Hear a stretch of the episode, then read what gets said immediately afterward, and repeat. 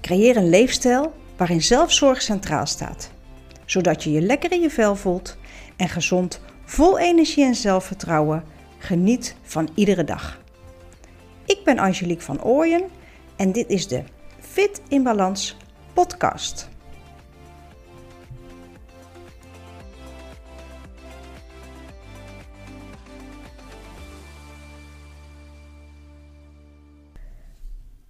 Hey, hallo lieve luisteraars.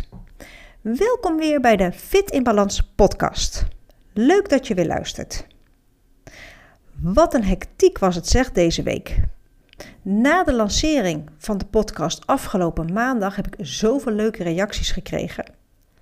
Ineens waren er allemaal enthousiaste luisteraars, zowel uit verwachte als uit onverwachte hoek. Hoe leuk is dat?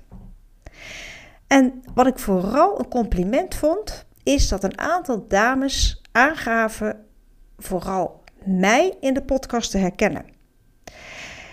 En een andere was, en dat vond ik ook fijn om te horen, je klet zo lekker door. Ik hoor geen stopwoordjes en je zegt niet heel de tijd.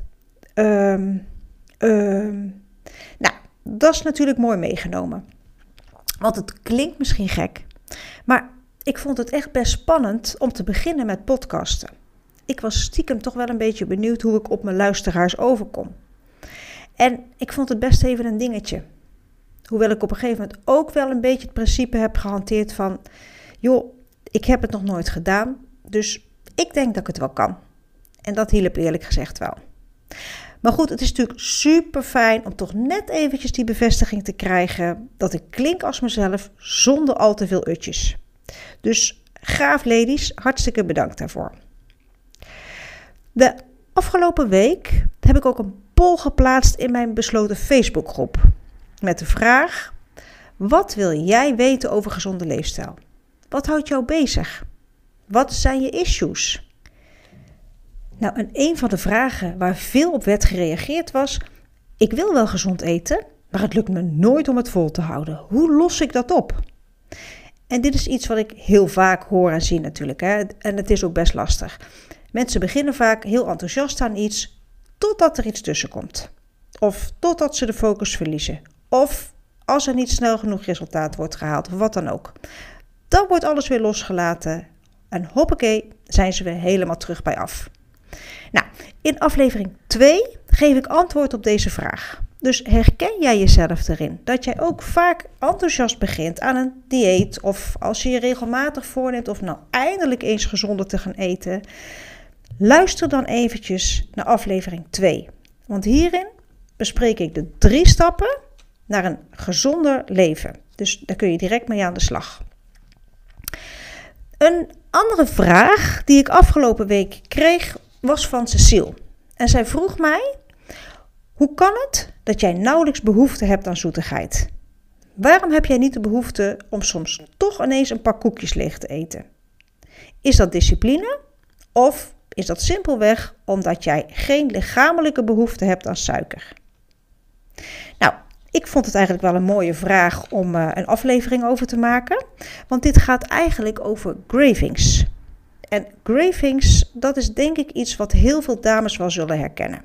vaak gaat het heel de dag goed, uh, of een hele week gaat het goed, om vervolgens of s'avonds of in het weekend helemaal los te gaan op inderdaad dat pak koekjes of een zak M&M's of nou ja, wat dan ook. En het lukt je dan niet om één of twee koekjes te nemen of om een handje M&M's te eten. Nee, dat pak of die zak, dat moet leeg. Terwijl je dat eigenlijk niet eens wilde. want toen je een koekje ging pakken of die zak M&M's tevoorschijn haalde, was het echt niet jouw bedoeling om dat pak in één keer leeg te eten. En toch gebeurt het. En hoe komt dat dan? Nou, er zijn natuurlijk wel meerdere redenen waarom dat je soms helemaal los kan gaan op zoet. Ehm, en ik ga proberen de vraag van Cecile te beantwoorden. Dus de vraag is: hoe kan het dat jij nauwelijks behoefte hebt aan zoetigheid? die vraag stelt ze aan mij. Nou, het antwoord hierop is niet zo heel moeilijk, want een zoetbehoefte heeft namelijk vaak voor een belangrijk deel te maken met je voedingspatroon. Dus hoe ziet jouw voeding er in de basis uit? Eet je gezond. Alleen dat al is een hele belangrijke trigger om al dan niet in meer of mindere mate naar zoet te grijpen. en ook eet je met regelmaat of wat eet je? Eet je veel bewerkte voeding? Eet je veel suiker? dat zijn allemaal puur praktische dingen eigenlijk. Nou, voor mij geldt dat ik over het algemeen gezond eet. Ik eet onbewerkte voeding. Ik eet regelmatig. Dus hè, misschien heel saai, maar dat is wel wat ik doe. En nou ja, wat dit precies inhoudt, daar ga ik in een andere aflevering verder op in. Want nu ga ik vooral graag eventjes door over die zoetbehoeften. En voor ik dat doe, is het misschien goed om eerst eventjes het verschil uit te leggen tussen wat bewerkte en onbewerkte voeding is. Want dat is voor mij wel logisch, maar misschien voor jou niet. En het is wel handig om het onderscheid te weten, want als je het verschil weet hè, tussen bewerkte of onbewerkte voeding en je kiest voor de onbewerkte voeding, heeft dat enorm veel invloed op, en je raadt het al, je zoetbehoeften. Nou, bewerkte producten zijn producten die fabrieksmatig op een dermate manier zijn bewerkt dat eigenlijk alle gezonde voedingsstoffen eruit zijn gehaald.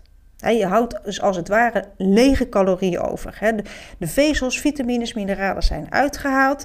Daarvoor in de plaats is er vaak suiker, zout, vet of nou ja, conserveermiddelen of een combinatie daarvan aan toegevoegd. Op die manier maakt de fabrikant daar een aantrekkelijk product van. Dat verkoopt natuurlijk lekker, heel gezond is het niet. In ieder geval, die uh, bewerkte voeding, die voegt weinig gezonds toe aan je lichaam.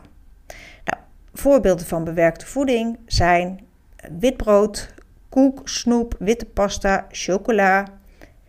Het vult wel, dus als je het eet, heb je daarna geen honger. Alleen het voedt je lichaam niet. Dus terwijl ik eigenlijk zou denken bij het woord voeding, je toch eigenlijk zou mogen verwachten dat iets je lichaam voedt. Maar goed, dat terzijde. Als ik nou kijk naar onbewerkte voeding, dan zijn dat producten die wel vezels, vitamines en mineralen bevatten. denk bijvoorbeeld aan volkoren brood, volkoren pasta, groente, fruit. Al die producten die voegen echt iets toe aan je lichaam.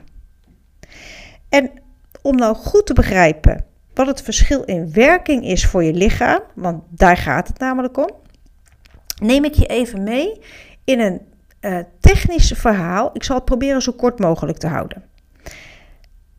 Als je bewerkte voeding eet, hè, dus het wit brood of de zak winegums of zo, dan hoeft je lichaam bijna geen moeite te doen om deze calorieën om te zetten in bruikbare brandstof.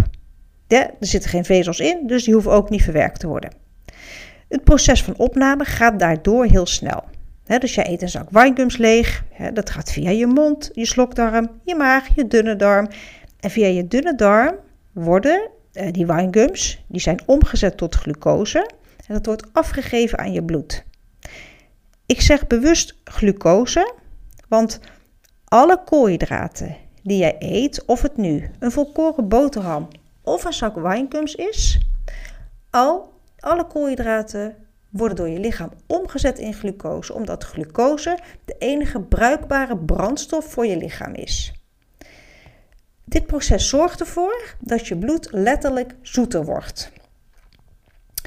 Met als gevolg dat je bloedsuikerspiegel stijgt. Je hebt vast wel een keer gehoord van een bloedsuikerspiegel. Nou, en nu wordt het nog een beetje technischer. Als je bloedsuikerspiegel stijgt, wordt het hormoon insuline aangemaakt om je bloedsuiker weer te laten dalen. Een te hoge bloedsuiker is namelijk ongezond.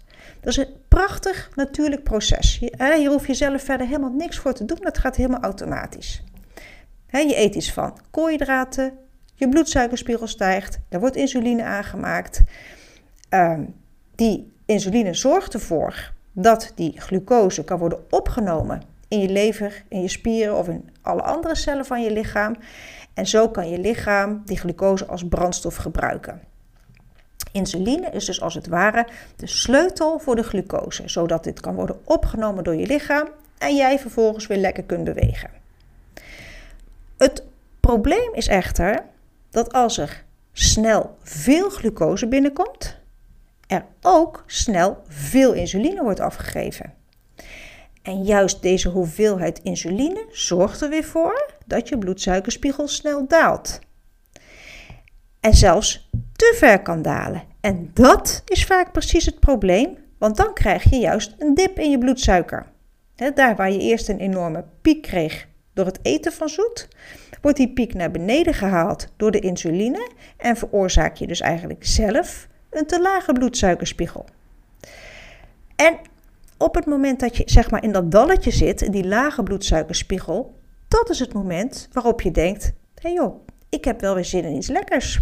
Je krijgt trek, je raadt het al, je krijgt trek in iets zoets. Ook wel de bekende suikerdip. Nou, kies je nou voor de onbewerkte producten, hè, dus even het volkoren brood, groente, fruit, dat, dan heb je in de kern hetzelfde proces wat ik net omschreef, alleen gaat dit proces veel geleidelijker. Bij onbewerkte producten heb je veel minder hoge pieken en minder diepe dalen. Ofwel, je gaat veel stabieler de dag door, wat dan vaak weer betekent dat je minder snijtrek hebt. Dus het antwoord op de vraag: hoe kan het dat ik nauwelijks behoefte heb aan zoetigheid, is hiermee denk ik in praktische zin wel uh, beantwoord.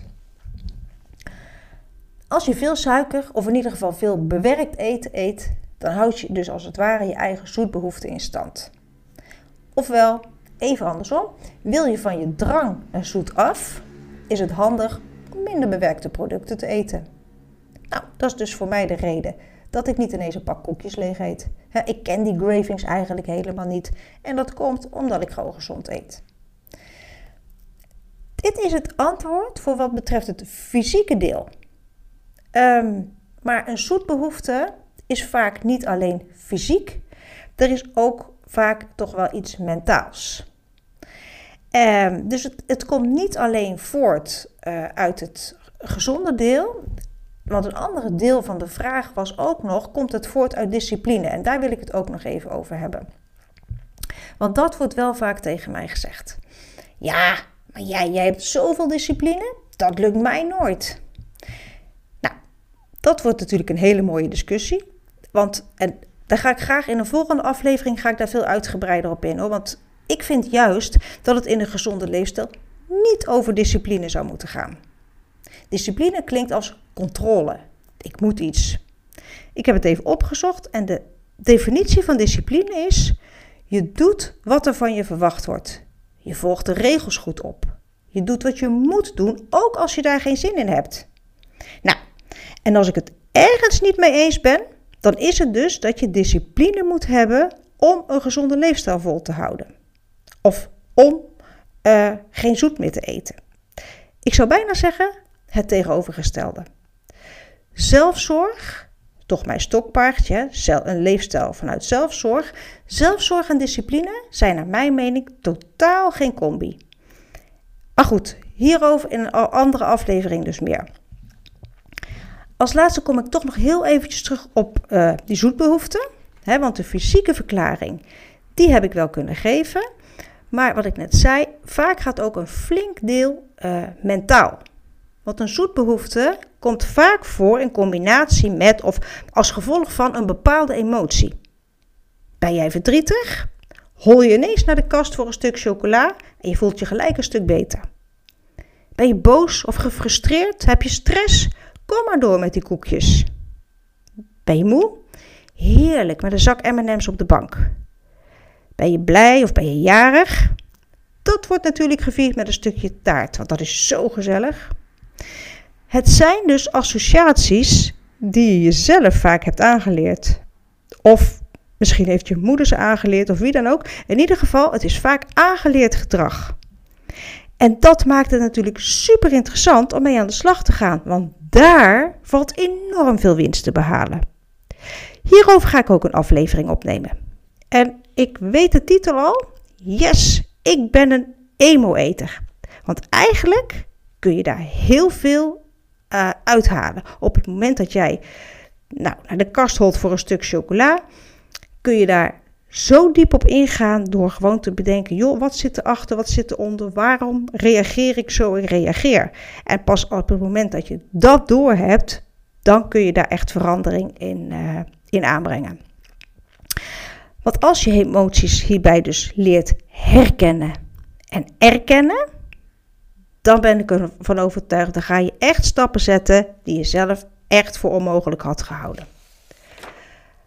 Oké, dat even over het mentale stuk. Cecile, ik hoop dat ik je vraag voldoende heb beantwoord. Heb je nog vragen of heeft iemand anders nog een leuke vraag of een interessant onderwerp waar je graag meer over wil weten? Stuur me een DM via Facebook, Instagram, LinkedIn. Via de mail, dat mag natuurlijk ook. Stuur een berichtje naar angelique.fitinbalans.com. En wie weet bespreek ik jouw vraag in de volgende aflevering. Dit was het voor vandaag. Ik hoop dat ik je weer heb kunnen inspireren. Een fijne dag nog en graag tot de volgende aflevering. Leuk dat je luisterde naar deze podcast. Voordat ik afsluit, nog even het volgende. Wil jij ook gezondheid combineren met een fijne manier van leven? Download dan mijn gratis e-book via www.fitinbalans.com. Spreek mijn podcast je aan? Je kunt je hierop abonneren, zodat je automatisch een berichtje ontvangt als ik weer een nieuwe aflevering online heb gezet. Heb je vragen? Stel ze via angelique.fitinbalans.com. En we kunnen natuurlijk ook connecten via LinkedIn. Dank voor het luisteren en tot de volgende aflevering.